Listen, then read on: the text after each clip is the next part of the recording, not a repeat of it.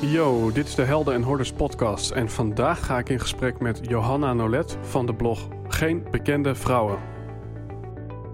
In de zomer van 2016 ontdekten we dat we een schakel waren in een netwerk van mensen die wij conscious business founders zijn gaan noemen. Bijzonder gemotiveerde ondernemers die ergens voor durven te staan, ook als dat inhoudt dat ze daar alleen voor staan. Die 200% toewijding willen geven voor 1% groei en zeggen: Dit ben ik en dit is mijn bijdrage aan een meer gebalanceerde wereld. Helaas kon je niet bij al deze gesprekken aanwezig zijn. Daarom hebben we die bijzondere verhalen voor je samengebracht in deze podcast.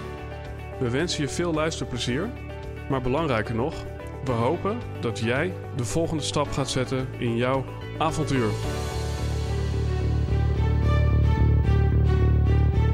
Ja, en Johanna die is fucking goed bezig. En daarom hebben we haar gevraagd voor deze podcast. Johanna is inspirator, schrijver en spreker. En met haar blog Geen Bekende Vrouwen is het antwoord op de onuitgesproken gevoelens van vele Nederlandse vrouwen, maar ook mannen.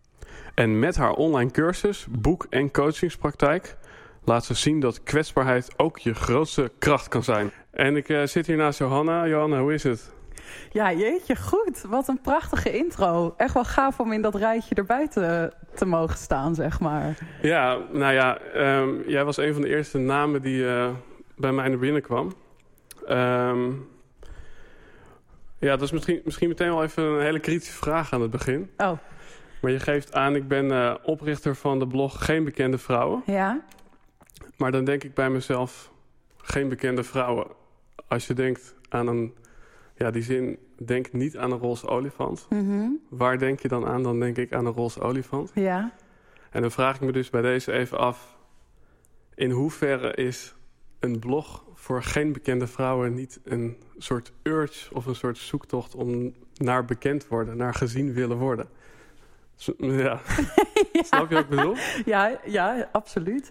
Ja, dat... Um, uh, je legt echt meteen uh, de vinger op de zere plek. Want ik ben er dus gaandeweg achter gekomen dat die naam dus ook helemaal niet klopt. Uh, we hebben hem bedacht en waren op zoek naar namen. En dat vonden we ontzettend moeilijk. Ik ben de blog gestart samen met Jara Hannema, filmmaker uit Haarlem.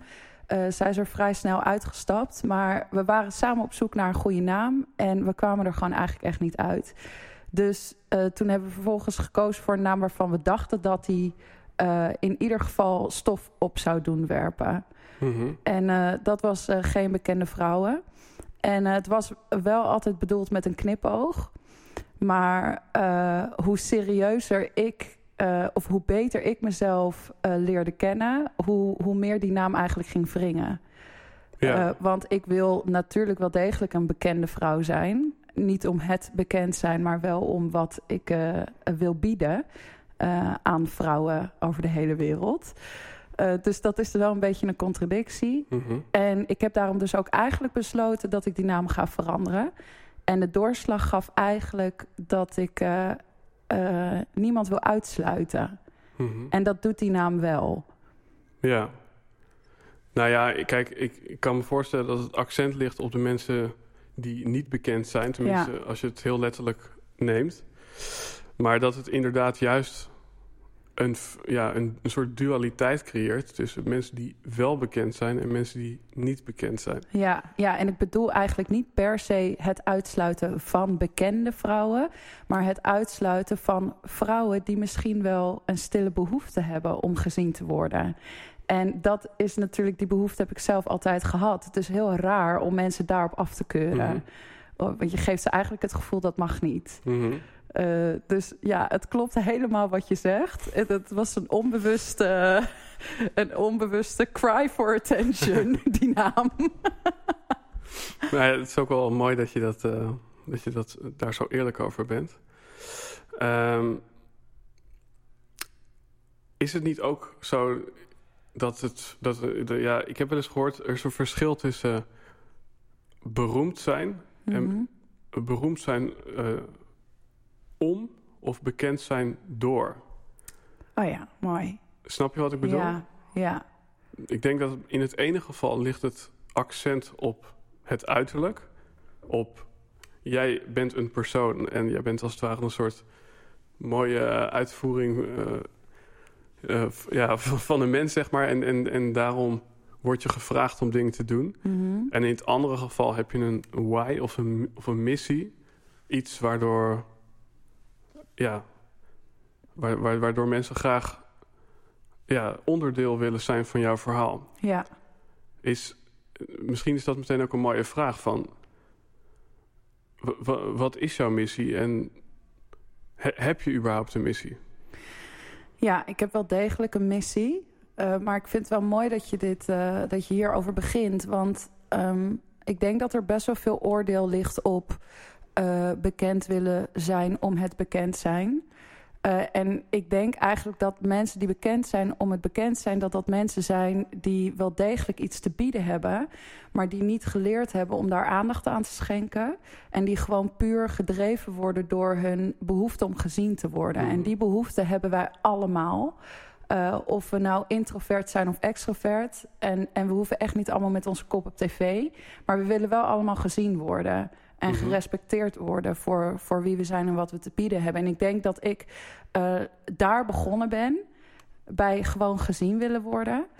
Uh, en dat ik uh, door de jaren heen ben gaan ontdekken... oké, okay, maar waar, wat, wat wil ik eigenlijk bieden? Dus niet wat kom ik halen, maar wat, wat heb ik eigenlijk te bieden? Mm -hmm.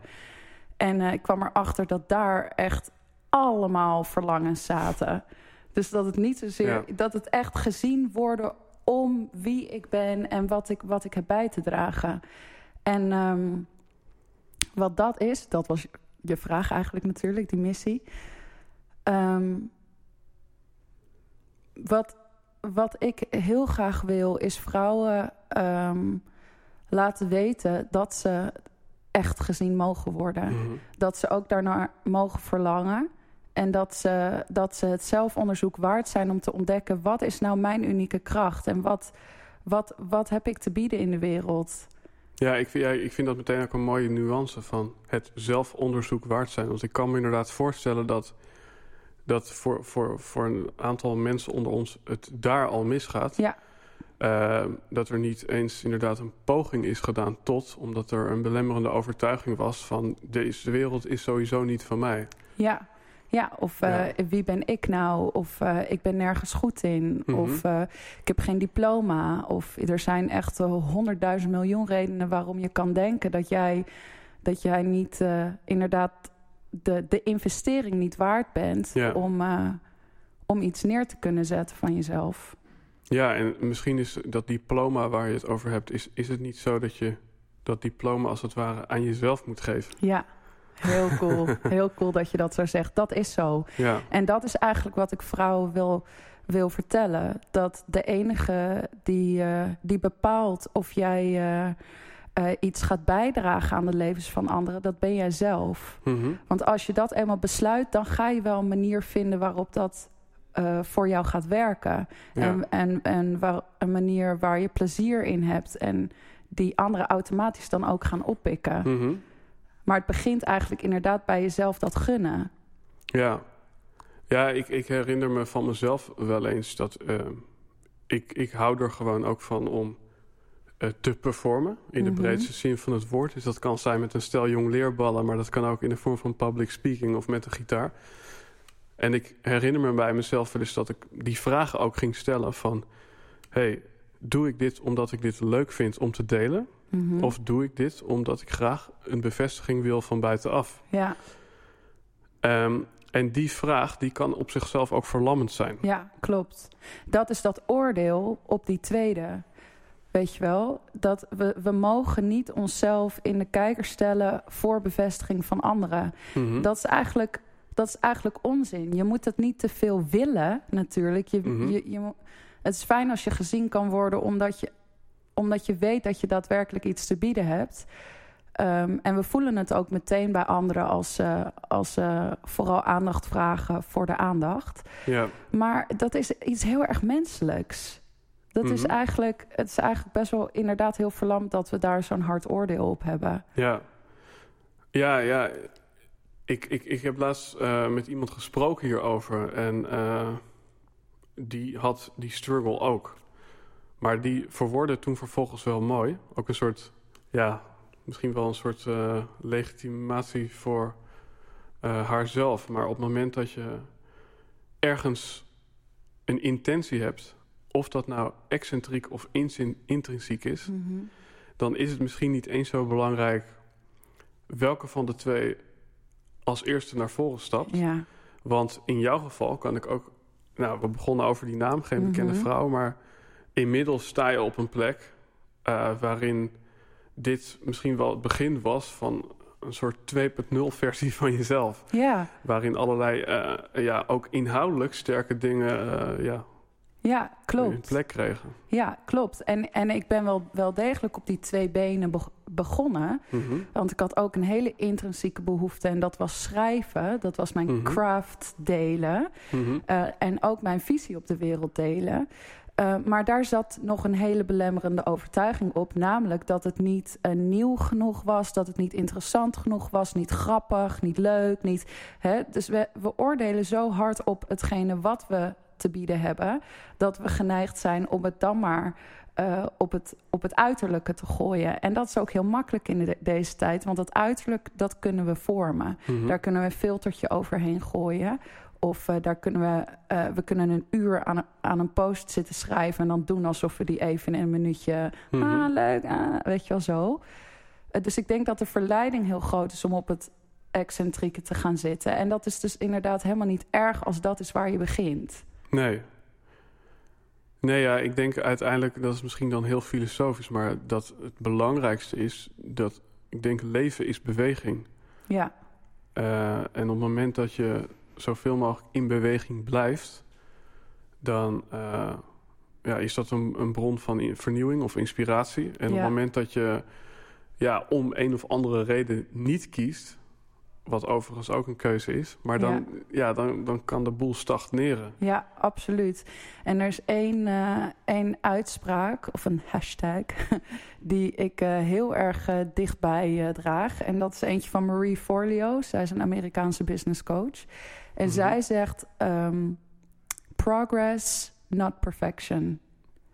Dus op het moment dat je, dat je een verlangen hebt om iets van jezelf te laten zien, om iets of iets te delen. Mhm. Er zijn zoveel mensen die het niet doen, omdat het niet 100% eh af is. Ja. En eh, dat is heel zonde, want je start niet bij af, je start bij het begin. Ja, ja het grappige is de- dat ik eh, deze podcast, op, eh, ja, voordat eh, de recorder ging lopen, zei ik dat nog tegen jou. Van, hey, mochten we nou in de eerste paar minuten ja, een beetje spoor bij ze raken, dan drukken we gewoon opnieuw eh, op record. en toen onderbrak je mij en dat was wel mooi. Dus je pakte me daar meteen. Ehm, en, en dit zeg je nu, maar zeg je dat ook omdat je zelf ehm, misschien wel eens niet bent begonnen of te lang hebt uitgesteld omdat je dacht het is nog niet goed genoeg? Absoluut. Dat, is de 25, de, dat zijn de eerste 25 jaar van mijn leven geweest. Mhm. Ik ben altijd creatief geweest. Ik ben altijd ehm, eh, eh, een filosofische denker geweest. Ik ben, weet je, al die kwaliteiten die ik nu deel, die heb ik altijd gehad. Ja, En ik heb ze wat meer refined en, en ze zijn wat meer in ontwikkeling. ja, Maar ze zijn er altijd geweest. Ik heb alleen eh, de eerste 25 jaar besloten dat het niet genoeg was. ja. En ik was een heel ongelukkig mens. en dat dan vervolgens op zo'n ontspannen manier zeggen, dat is wel echt bevrijdend. Ja, ja, zo voelt het ook nog steeds. Soms denk ik echt van, ik ben, ik ben eigenlijk nog elke dag dankbaar Ja, dat ik mezelf gegund heb. Dat, het gewoon, dat ik gewoon mocht zijn eh, wie ik toen was. En dat ik eh, mezelf mocht laten zien met wat ik toen had. ja, En dat was iets wat mensen heel makkelijk ook aan de kant konden schuiven. Hè? ja, Oh, Johanna, die gaat ook bloggen. ja. Maar misschien, eh, dan, dan, dan stel ik de vraag nog iets concreter. Mhm. Deze podcast heet Helden en Hordes. Wa- Oh, Wat ja. was het punt waarop jij een, nou ja, een, een soort keerpunt ervaarde? Dus er was een horde. Ja, En bij een horde heb je de keuze, denk ik. Ja. En dat is omkeren en naar huis gaan. ja, Of er overheen of er misschien een beetje sneaky langs eh, proberen te glippen. Ja. Maar waar, waar, waarbij was bij jou dat punt? Want ik heb jou een beetje vanaf de zijlijn ja, in transitie zien gaan. Mhm. Wat was het punt dat, dat je een soort van 2.0 werd, zo noem ik het even? Dat was absoluut toen mijn vader overleed. Ja. Op mijn 27ste was dat. Ik was echt, ja nee, 26 eigenlijk. Ehm, en toen kwamen er eigenlijk eh, hon- 100 hordes achter elkaar. Mhm. Dus ehm, eh, hij overleed heel plotseling. En toen vervolgens, eh, twee weken later, raakte ik mijn baan kwijt. Werd ik wegbezuinigd. Mhm. Ehm, op een baan. Ik was gezinscoach bij de opvoedpolie. En dat was een, een baan waarvan ik dacht dat ik eindelijk mijn plek had gevonden. Na heel veel omzwervingen en eh, altijd maar ontslagen worden. Mhm. Overal eerste in, weet je wel, laatste in, eerste eruit. Eh, en, en ook heel erg ongelukkig zijn in mijn werk en onzeker. Dus dat was een enorme klap dat Mhm. ik daar weg moest. Ehm, en heel kort daarna, ik denk drie maanden daarna, ging mijn relatie uit. En moest ik dus ook mijn huis uit. Dus dat was echt even, nou ja, ze zeggen wel: when it rains, it pours. Mhm. En eh, toen gebeurde er iets bij mij. Eh, sowieso, de, rond de dood van mijn vader gebeurde er een totaal onverwachte. eh, kreeg ik een soort van onverwachte eh, realisatie. En dat was dat ik me totaal bevrijd voelde. En eh, dat klinkt heel gek, want mensen denken dan ook meteen: oh, was het een nare man? Of eh, Mhm. had je een slechte Ja. relatie? Dat was helemaal niet zo. Eh, ik had mijn vader op een voetstuk staan zelfs. Mhm. Eh, het, het was een enorme, lieve, zorgzame man. We leken ook heel erg op elkaar. We konden goed met elkaar praten. Dus het was een enorm verlies. Maar ook eh, een verlies van het willen pleasen van hem. Want hij was me zo dierbaar dat ik hem ja, zo ja, graag ja. gelukkig wilde houden. En hij was wel iemand die zich heel erg in je interesseerde, maar hij had ook een hele duidelijke mening over wat mijn capaciteiten waren, waar mijn talenten lagen. Ja. Eh, hij zag me echt volledig, maar hij had wel in zijn hoofd: jij bent, eh, jij wordt net als ik Ja. een hulpverlener en daar liggen je krachten. En ehm, En toch is dat grappig, want dat is misschien een beetje inside information. Maar ik weet Mhm. dat jouw broertje, Joshua van eh Chef Special, mhm. dat in die begintijd eh, ja, mocht ik dat eh, ook ervaren, omdat ik bij Joshua in een band zat.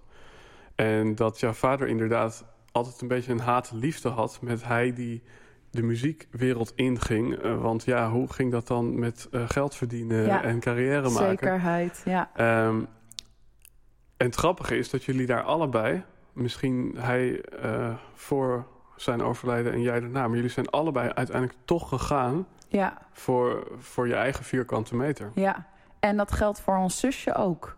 Ja? Ja, die is eh, eh, tien jaar jonger dan ons.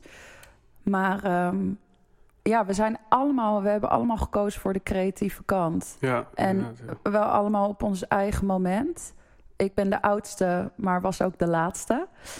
Ehm, hoewel mijn zusje in jaren wel later naar de Kleinkunstacademie is gegaan, maar zij had het wel al heel Mhm. eerder helder dat dat echt was wat ze met haar leven wilde gaan doen. Ja. Ehm, en mijn broertje was gewoon eh, een, eh, een hele losbandige puber. En die deed sowieso gewoon wat hij graag wilde. ja. Dus hij was be- veel beter opgewassen tegen al die meningen van mijn vader. Hij had er scheid aan en ging gewoon. Eh, en ik heb daar veel langer over gedaan, ja. Ja, bijzonder. Ik vind het ook wel interessant, hè? Ehm, helden en hordes. Kijk, ik vind het gewoon een heel mooi thema, omdat eh, er, er zit een soort van eh, paradox in, bijna. Eh, maar wat ik, ja, wat, waar ik benieuwd naar ben, is... Je geeft hier aan dat de situatie met je vader Mhm. en alles wat daarop volgde, dat dat ja, de boel in stroomversnelling heeft gebracht. Of Ja. misschien zelfs toen ontstond er een bepaalde commitment om dingen ja, op een bepaalde manier te doen.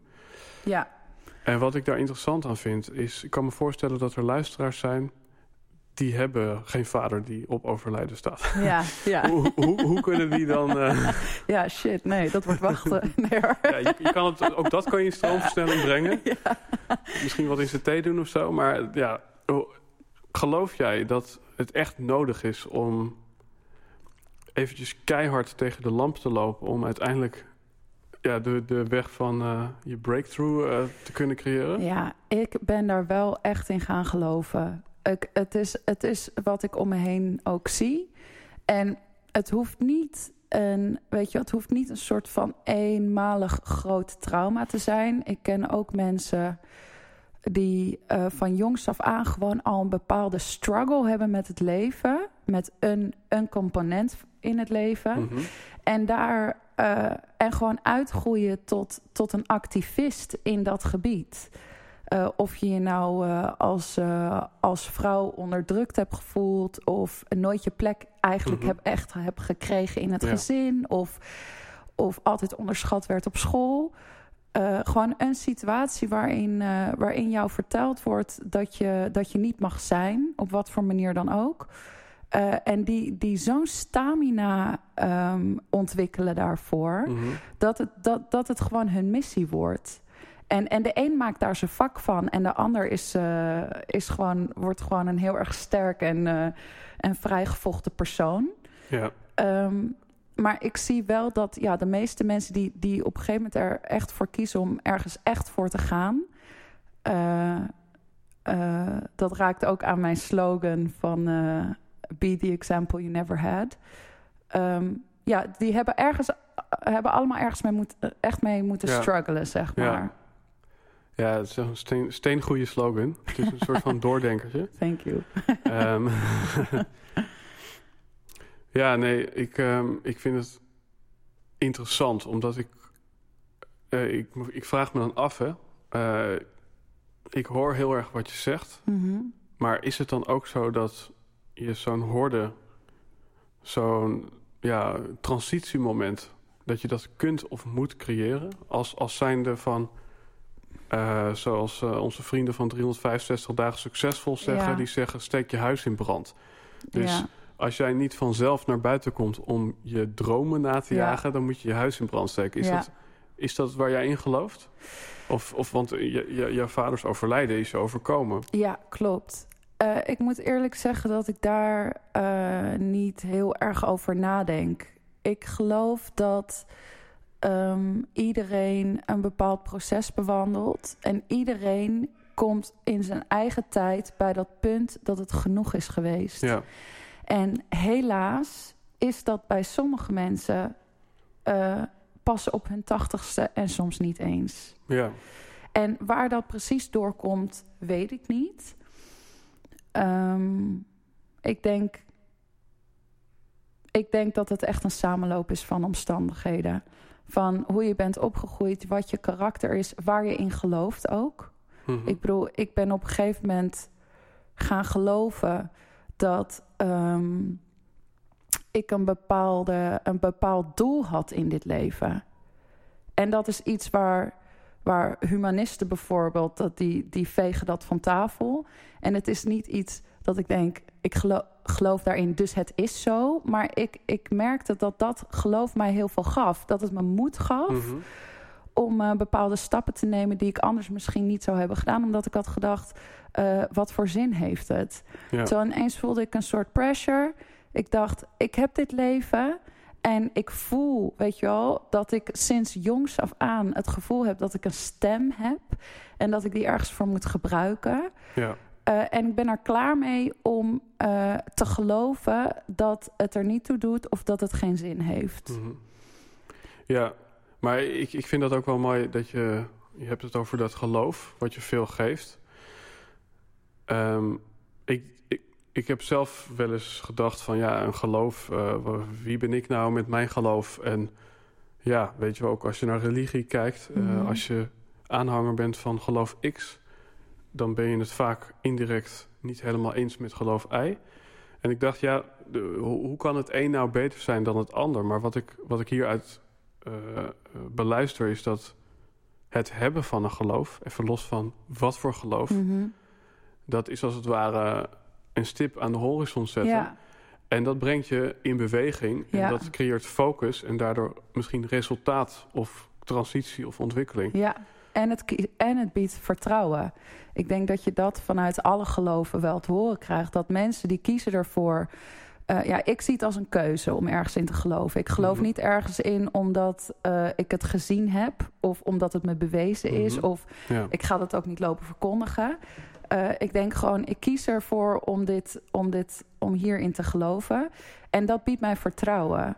Ik, ik, ik heb er op een gegeven moment voor gekozen om een soort van geloof van eh, dankbaarheid na te streven. Omdat ik, om, omdat ik heb ervaren zelf persoonlijk dat als ik dankbaar ben voor het leven, voor de dingen die me Mhm. overkomen en dan ook voor de nare dingen, dat dat mij veel sneller uit een, eh, een soort van negatief eh, beeld trekt. Dat ik, dat ik mijn slachtofferrol makkelijker naast me neerleg. Dat Ja. ik me afstof en denk: oké, en nu weer door. Want het brengt, dit gaat me sowieso iets brengen. Ja. ja, mooi. Ik, En dat is een eh, soort overtuiging. Ja, ken je het boekje The Magic? Nee. Dat is, eh, nou ja, The Secret is zo'n boekje Ja. over visualisatie. Ja, Ja, ik zeg eerlijk, ik weet het niet helemaal met dat boekje. Maar dit schijnt eh, een opvolger daarvan te zijn. Dat eh, ja, heb ik van meerdere kanten eh, naar me toe gekregen. Mhm.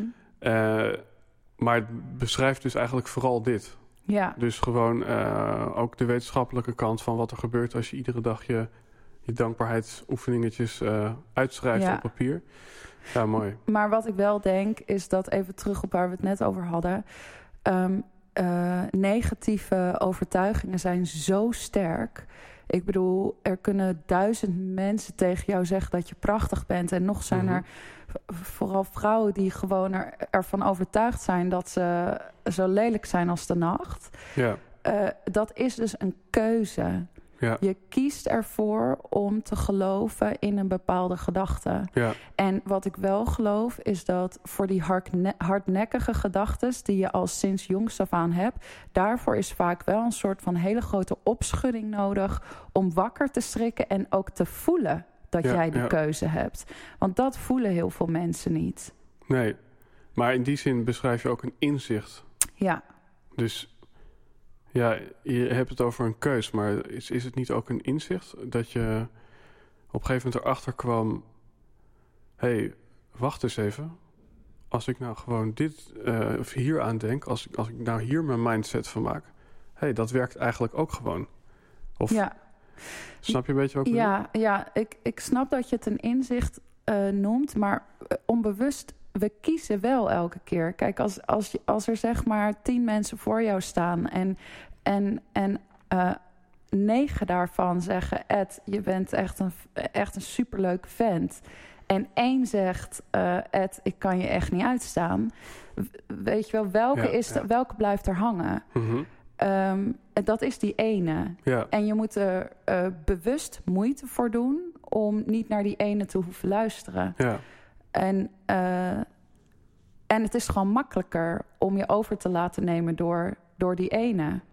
Ja, ik heb ook wel eens gelezen, het is gewoon eh, biologie of seksuele selectie, zou je kunnen zeggen. Op het moment dat jij in een, eh, eh, een of andere onveilige Afrikaanse ja, landgoed rondloopt en er zijn negen vogels die een vrolijk liedje naar je fluiten en er is één leeuw die een brul geeft. Ja. Ja, voor welke eh word Waar je ga je waakzaam? luisteren? Ja. Ja, ja, ja. Dus ik, ik denk gewoon dat het een soort overlevingsmechanisme is om altijd eh, te kiezen voor het negatieve geluid en dat uit te werken in je hoofd. Ja, ook omdat dat ook eh, een, een, een soort van drive voor ontwikkeling is ook. Ja. Hè?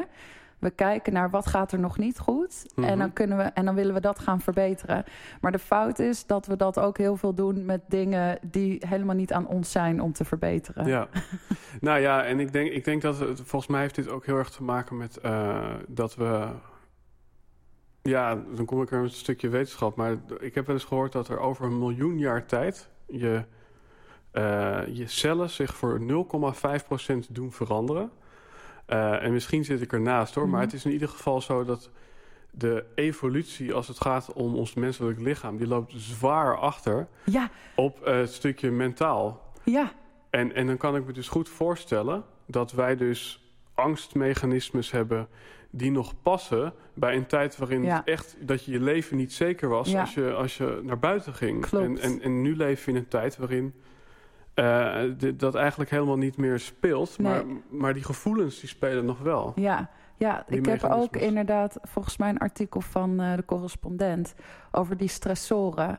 Dat stress eigenlijk gewoon nog precies werkt zoals het heel veel jaar geleden werkte. En dat het helemaal niet, niet eh, matcht met de maatschappij waar we nu in leven. Omdat we al die triggers hebben de hele dag door. Dus dat we eigenlijk constant op, op soort van red alert staan. Ja, ja. een soort sociaal sterven, daar zijn we volgens mij heel erg bang voor. Sociaal sterven. Ja, dat je als het ware sterft Ja. eh, doordat andere mensen negatieve feedback op je hebben. Ja, dat is weer dat stuk van gezien willen worden. Mhm. hè?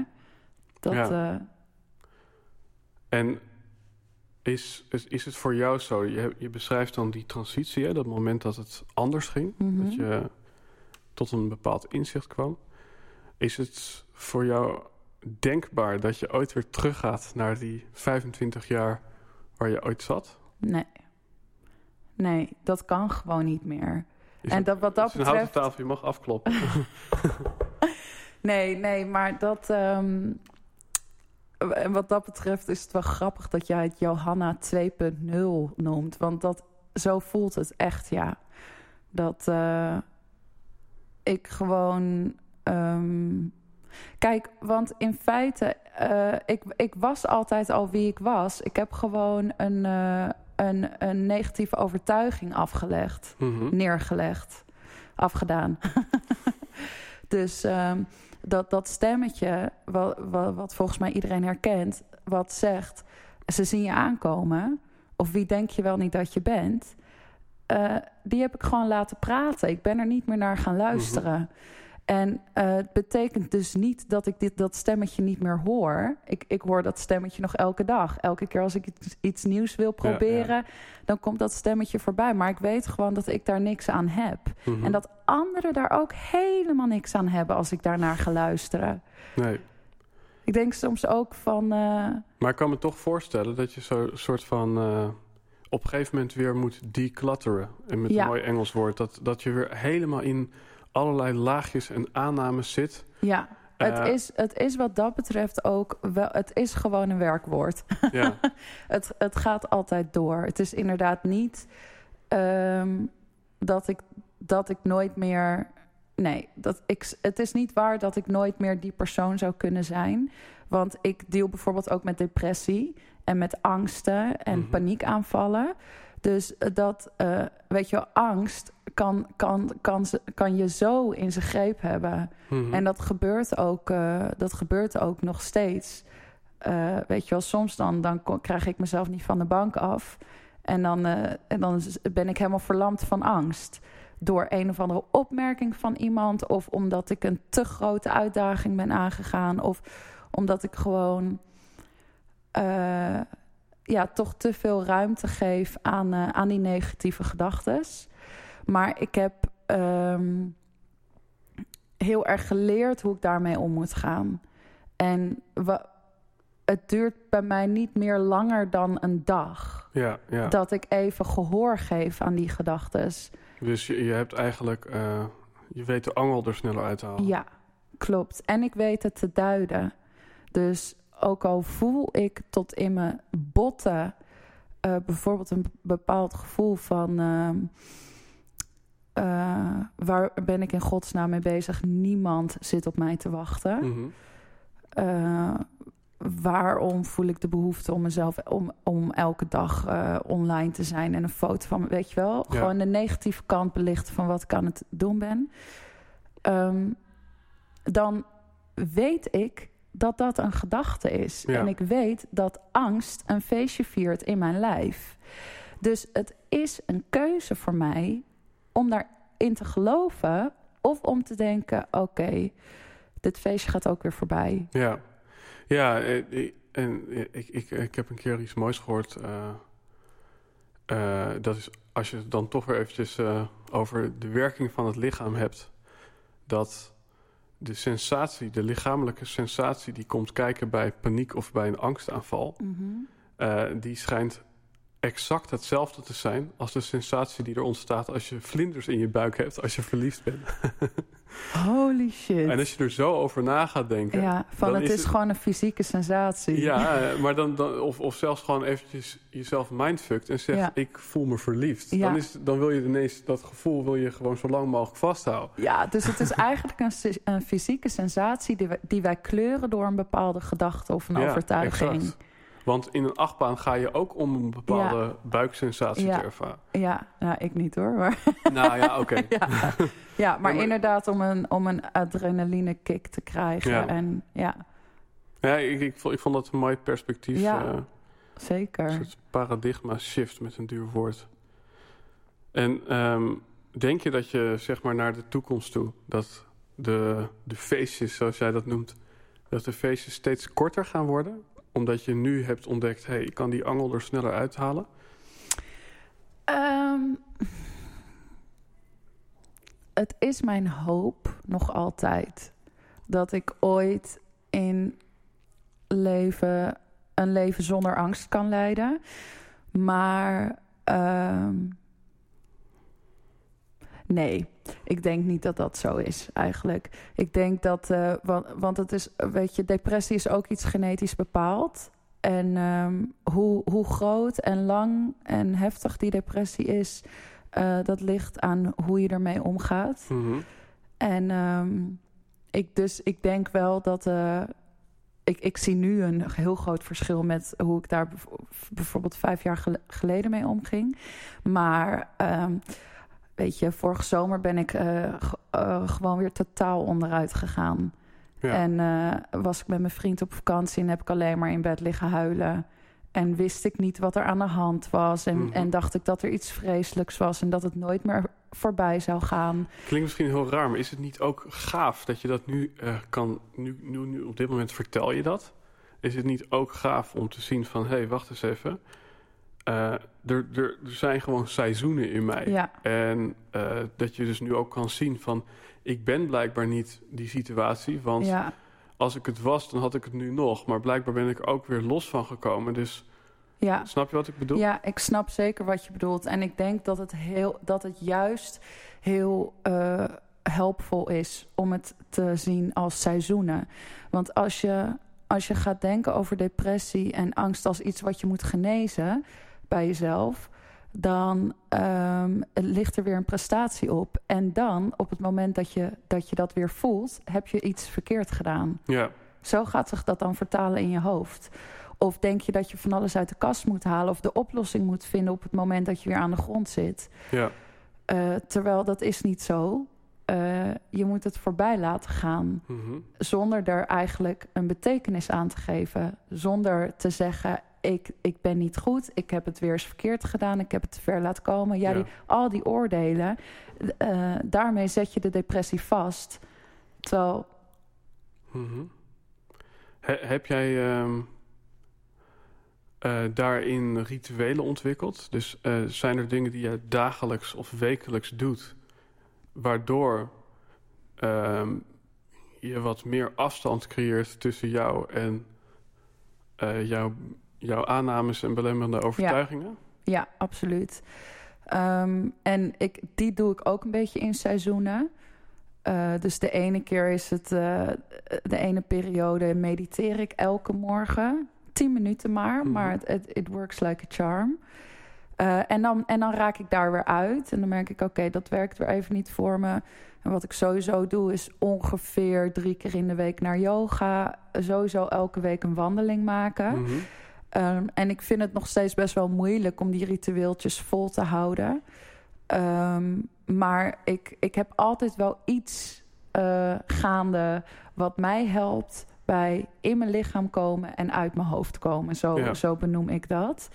En inderdaad, je gedachten gewoon puur observeren in, in plaats van ze voor waarheid aan te nemen. Ja. En geloof jij dat er rituelen zijn die eh, voor iedere luisteraar zou, kan, zou kunnen werken? Of geloof je dat het Nee. echt heel erg persoonlijk is? Ja, ik denk dat het heel persoonlijk is. En ook per moment in je leven. Mhm. je, je- wij mensen we zijn zo veranderlijk en we zitten ook allemaal zo anders in elkaar. Eh, weet je wel, de een is uh, verzot op uh, de Headspace-app. Jij bent er daar ook een van. Mijn broertje ook. Um, maar de ander die heeft veel te veel onrust in zijn lijf... Om, Mhm. te, om te kunnen gaan zitten. Om überhaupt stil te zitten... is Ja. voor sommige mensen zo'n opgave. Dus die kunnen veel beter lekker sporten... of Ja. yoga Ja. of weet ik veel, hardlopen... Ehm, Ja, ook dat is een mooie... mijn, mijn vriend doet de afwas. ja, Weet je wel? Dat, dat is, hij geniet daarvan. Hij zegt, ja, dan ga ik, weet je wel, dan... dan, eh, ja, dan is voor jou, eh, voor hem is dat ook een soort meditatie. ja, ja, Ja, mooi. Ik, ook, ook dat is weer een soort... Door dit gesprek komen er allemaal snippets van dingen die ik hier en daar heb gehoord. Maar dat als je dus bijvoorbeeld ook zo'n gevoel van angst of stress ervaart... Mhm. dan is dat dus een stofje wat wordt aangemaakt om het op een rennen te zetten... om die tijger sneller te zijn. ja. Dus het is eigenlijk super eenvoudig. Het schijnt zo te zijn dat op het moment dat je zo'n sensatie voelt... en je gaat eventjes op de top van je kunnen een minuut rennen... ja, gewoon echt een peak performance... dan... eh, dan ben je daarna ben je het gewoon kwijt. Ja, Ja, dus het klinkt misschien, klinkt misschien mooier eh, dan het is. Maar ja, in die zin vind ik het ook wel een soort van lifehacking eh ja, aspect eraan. Dat is ook hartstikke tof. Dat je Ja. altijd weer naar een next level daarin ja, zou kunnen gaan. ja. Ja, zeker. Alleen is natuurlijk het ding van angst... dat iedereen daar een andere reactie op heeft. Heeft hè? Je hebt dat fight, flight or freeze. Eh, en, eh, en ik ben een freezer. ik, Ja. eh, ik kan echt letterlijk aan de grond genageld staan. ja, ik zie het ook helemaal voor me. Op een manier, ja, En dan weet je, ik moet opstaan, ik moet naar buiten, ik moet zus, ik moet zo, ik moet gewoon even dit. En Ja. ik krijg het niet voor elkaar. ja, ja, mooi. En ehm, wie, wie eh, eh, zijn voor jou personen geweest? En zijn er überhaupt personen die... eh, ja, dat is dan misschien niet je slogan. Want je slogan is van... eh, wees het voorbeeld wat je zelf niet hebt gehad. Mhm. Maar zijn er wel mensen die voor jou een voorbeeld zijn geweest? Of kwamen die pas nadat je voor jezelf had gekozen? Ehm, ja, de meeste voorbeelden kwamen eigenlijk daarna. Die ben ik bewust gaan opzoeken. Maar ik heb absoluut ook influencers gehad... eh, waarvan ik me eigenlijk niet zo bewust waren... dat ze een, een, een invloed op mij uitoefenden. En mijn, eh, mijn lievelings is Oprah. Mhm. Ze voelt echt als een, eh, als een moeder voor mij eigenlijk. Of een, misschien een oma, ik weet eigenlijk niet. Nee, ze zou wel... Oma Winfrey. Oma Winfrey. Ze zit er tussenin. ja. Ehm, en dan gaat het vooral om haar. ehm, de manier waarop ik haar altijd gezien heb, is eh, totaal op haar gemak. Mhm. Met eh, eh, miljoenen kijkers. Dus miljoenen oordelers. Ehm, en altijd zo warm en hartelijk en open. Terwijl zijn ongelooflijke underdog positie had natuurlijk. Dus ze heeft echt eh, zo moeten vechten om te komen waar zij, eh, waar, waar zij is. Ehm, maar dat heb je er nooit helemaal eh, aan afgezien. Het lijkt altijd alsof zij daar gewoon op die stoel geboren is. En nou ja, ze heeft nu niet meer de Oprah Winfrey Show, maar ze doet nog steeds interviews. Mhm. En alsof het totaal vanzelfsprekend is dat zij daar zit. Ja. En dat vind ik zoiets prachtigs. Dat zie je eigenlijk, zie je dat helemaal niet zoveel. Ehm, Zou je kunnen zeggen dat er bij haar de, het, het oude gezegde van privé en eh, werk gescheiden houden, dat die knip totaal. eh, dat muurtje is totaal weggevallen bij haar. Is dat het? Eh, zo lijkt het. Zo lijkt het. het zou me niet verbazen als zij juist heel erg strikt heeft van dit vertel ik wel en dat vertel Ja. ik niet. Ik bedoel, eh, haar privéleven. We, we weten haar origin story. We weten, ze vertelt vaak genoeg hoe ze gekomen is waar ze is. Mhm. En ze, vert- ver- ze vertelt heel veel over, over haar geloof en haar overtuigingen in het leven. Maar zo gek veel privé dingen eh, vertelt zij niet. Maar, eh, of was dat niet je Ja, wel. Nou ja, wat ik interessant vind, eh, als, je, als je aan mensen vraagt eh, wie zijn je helden of wie is je held, Mhm. dan, ehm, dan, dan noem je een persoon of niemand, dat kan ook. Maar op het moment dat je iemand noemt, dan pak je eigenlijk die elementen uit dat karakter of gedrag van die persoon. Mhm. ehm, die dichtst bij jouzelf liggen. Oh ja, dit heb je Wat me je- ja. eerder een keer gezegd. Wat ja. je zegt bij jezelf. En Ja. ehm, dat kan of zo zijn dat je in potentie die persoon kan worden. Ja. Of het is zo dat je die persoon al eh, doet. Dat klinkt een beetje Ja. fout, maar... ja, ja, ja, ja. eh, Ja, Ja, dat- ik denk, ik denk dat, dat de manier waarop zij dat ze zo vanzelfsprekend is, eh, dat dat altijd een heel groot verlangen voor mij is geweest.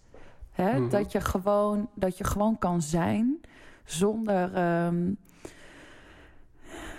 ja, te veel na te denken over wat, eh, wat wil ik wel laten zien. Ja, maar het grappige is, eh, dat, dat vond ik juist heel grappig aan wat je nu net zegt. Ik, ik eh, zie jou en ik geloof dat anderen dat ook zo zien als iemand die eigenlijk gewoon wat er is, dat ventileer je. En het maakt niet zoveel uit wat. Er Mhm. zit in die zin geen strategie of filter op. filter op. Mhm. Terwijl je beschrijft nu van Oprah dat het lijkt alsof ze alles laat zien. Of, maar dat er wel een filter misschien zit. Ja maar, ja, maar ik interpreteerde jouw vraag denk ik verkeerd. Want het is absoluut zo dat ik denk dat wat zo prettig aan haar is... is dat ze in het moment is en dat ze Mhm. gewoon is. Ja. Ja.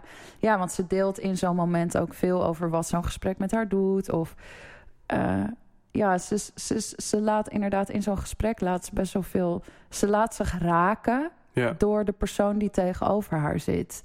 En dat mag iedereen gewoon zien. ja, En, en, en, ze, en ze showt ook haar kracht. ja. Dat mag ook gewoon iedereen zien. Weet je, dat gaat ze Mhm. ook niet indimmen. Dus ja, dat vind ik echt helemaal geweldig. ja, ja. Dat vind ik zo inspirerend. Echt. Ik, ik denk daarom dat ik ook echt van haar hou. dus stiekem ook echt een droom om haar te ontmoeten gewoon. ja. Dat zou ik echt helemaal fantastisch vinden. Haar gewoon een knuffel geven, dat is genoeg. ik ben een soort groupie. dat heb ik nooit gehad met bands of, eh, of wat dan ook. Maar eh, Ja, nou ja. Ik, ik vind het gewoon vooral heel interessant om te kijken van... eh, ja, wat, wat dit, wat, wat, dit wat, wat zij zegt over jou. En ja, dan denk ik, ja, wat je over haar vertelt... dat zie ik ook wel terug in jou. Dus dat bevestigt voor mij dat jij een soort congruent bent. Dus dat je doet wat je zegt en zegt wat je doet. Ja, Eh, dus die eh, kan je in je zak steken. oké, nice, thanks. En ehm, wat ik me ook nog afvroeg... Je, je doet dit natuurlijk vanuit een stukje passie. Mhm. Wat ook het Latijnse woord voor lijden is. Dus dat is misschien ook wel mooi eh, Geweldig. om hem om zo te bekijken. Ehm, ja, maar je hebt ook een business. En wij zeggen wel, jouw verhaal is jouw business. Mhm. Daarom hebben we jou ook uitgenodigd. Jij zit hier enerzijds omdat je voelt... dit verhaal wil ik vertellen. En dit wil ik delen met de wereld. En Mhm. anderzijds zou het helemaal mooi zijn... om daar ook je business op te bouwen. En Ja. dan ben ik heel even benieuwd van... als je in één zin zou moeten zeggen... Godverdomme. ja, ik, ik ben erg hoor. Altijd afsluiten met een stukje vuurwerk. ja. Wat, eh, wat kun jij andere, en dan noem ik even vrouwen... maar misschien Mhm. wel, wat kun jij andere mensen... waar, waar kun jij hun eh, in, in ondersteunen? Ehm, ik denk dat ik een soort van. Ik heb een neus voor potentie in mensen. Mhm. Ehm, dat heb ik helemaal niet bewust ontwikkeld. Dat is denk ik, dat zit in mijn karakter. Dat ik gewoon altijd het, het mooie zie in mensen. En dat is dus ook altijd wat ik mensen teruggeef. En het, het was wel mooi. Ik had laatst een gesprek met iemand ehm, over een, eh, een coachingstraject. en ehm, dat deed ik met een vrouw. En, en, en, en het, het ging drie sessies goed. En de vierde sessie was even heel eh, lastig. En, en, en het, was het ging stroef. En ik had het gevoel dat ze helemaal niet met, met, met eh, zelfvertrouwen de deur uit was gelopen. En ik was heel erg benieuwd, wat is er nou gebeurd hier? Mhm. Dus ik overleg het dan vaak even met een soort van collega, iemand die ook coacht. En uh, zij merkte heel, heel scherp op. Ze zei: Het lijkt wel alsof je haar allemaal extra dingen wilde geven. Um, terwijl uh, mensen komen naar jou toe omdat ze zichzelf gewoon door jouw ogen willen zien. Omdat jij ziet het beste in hen. En zij zien dat niet altijd. En voelen het misschien wel diep van binnen, maar iemand moet dat even van buitenaf bevestigen. En dat is in feite het enige wat je hoeft te doen. En ik vond het zo mooi dat ze dat zei, want ik dacht: oh ja, dat is ook mijn natuurlijke kracht. Uh, dat is denk ik ook waardoor uh, zoveel mensen mijn blogs lezen. Omdat ik iets, iets aanstip bij hen met echt uh, totale overtuiging en vanuit oprechtheid. Dat ik geloof dat iedereen iets heel erg moois te bieden heeft in het leven. Ja. Ik geloof niet zo dat, dat, dat de een het wel heeft en de ander niet. Maar de een gunt het zichzelf om dat stukje te ontwikkelen en de ander niet. Ja, ik, ik, ik moet denken aan uh, een quote, en volgens mij is die van Picasso, maar dat is: The meaning of life is to find your gift. The purpose of life is to give it away. Ja, mooi. Maar, ja, echt. Maar, ja. Maar, maar, dan in jouw uh, context is het dan bijna the meaning of my work is uh, uh, to find people's gifts. Ja. And the purpose of my work is to give it back to them. Ja, to bring it out. Ja. Om, om, ja, en dat doe ik ook wel. Ik, I shove it in your face, weet je wel. Mm. Ik zeg van, dit, dit, is, jouw, dit is jouw talent. Weet je wel, wat, wat ga je ermee doen? Waarom, waarom ligt het onder zoveel stof en waarom mag het er niet zijn? En ik denk dat... Maar eigenlijk ben je daarin zelf ook een soort filter. Want iemand die ventileert gewoon zijn hele verhaal. En jij haalt er bepaalde stukjes uit. Of ja. die zet je op een iets hoger voetstuk. Ja. En dan geef je het aan die mensen terug. Ja, ja, ja. klopt. Wat, wat, wat, wat, uh, wat, wat zou jij, als je vijf jaar vooruit mocht kijken... Wat, Mhm. wat, welke impact zou je dan willen hebben op, op Nederland... of op jouw doelgroep of op de wereld... Nou, ik heb echt een ambitie om zoveel mogelijk vrouwen te bereiken. Uh, ik geloof ook dat, de, dat we in een tijd leven daarvoor. Uh, dat er heel veel potentie ligt. Uh, recht onder de oppervlakte. Um, dus waar ik nu mee bezig ben, is het ontwikkelen van een online coachingsprogramma. Mhm. Zodat ik niet meer afhankelijk ben van de 24 uur in mijn dag. Want in, je kan maar zoveel mensen face-to-face -face coachen natuurlijk. Ja. Um, maar ik wil wat, wat, wat, ik, wat ik gezien heb bij, bij vrouwen en wat ik zelf geleerd heb, wil ik in een, uh, in een online coachingsprogramma gieten. Wat mensen gewoon in hun eigen tijd thuis kunnen volgen. Mhm. Mm -hmm. En dan aangevuld met individuele coaching sessies. Dus dat we dan puur gewoon gaan evalueren. Oké, okay, waar ben je tegen aangelopen? Wat zijn je inzichten geweest? Uh, wat, wil je, wat wil je bespreken? Ik kan me voorstellen dat dat laatste wat je zegt, die individuele mm -hmm. coaching, dat die echt een, uh, ja, het, het kersen op de taart is. Omdat wat we net in dat stukje, ja, uh, die ene zin waarin jij zegt hoe jij mensen helpt, mm -hmm. daar kwam heel duidelijk naar voren dat je uh, mensen door jouw filter haalt. Ja.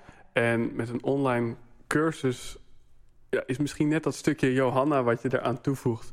Dat onderscheidt jou van misschien wel een heleboel anderen die ook online programma's aanbieden. Ja, alleen heb ik natuurlijk in mijn blogs ervaren dat ik daarvoor helemaal niet face-to-face -face aanwezig hoef te zijn. Mm -hmm. Dus uh, het gaat vooral, denk ik, ik kan dat ook doen door mijn, door mijn, mijn stem te laten horen. Mm -hmm. uh, dat doe ik met een blog ook. Dus mensen die halen zichzelf wel uit jouw verhaal. Ja, die identificeren zich daarmee.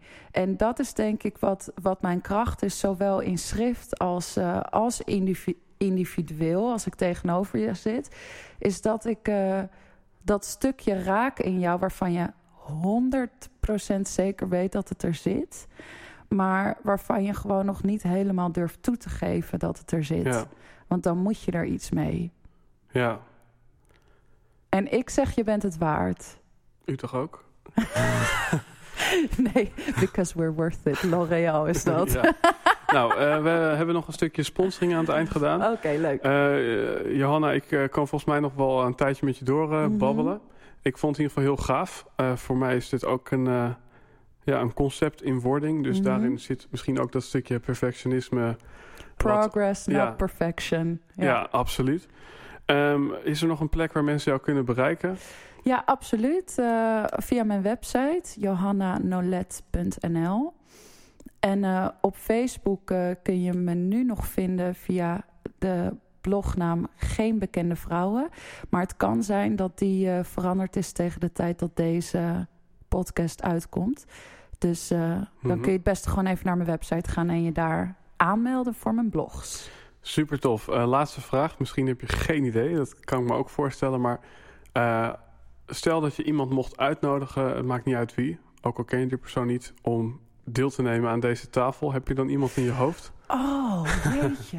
Moeilijke Ehm, vraag. Hele ja, moeilijke vraag. Even nadenken. Ehm, nou, eentje die heel erg voor de hand ligt is natuurlijk mijn broertje. Ja?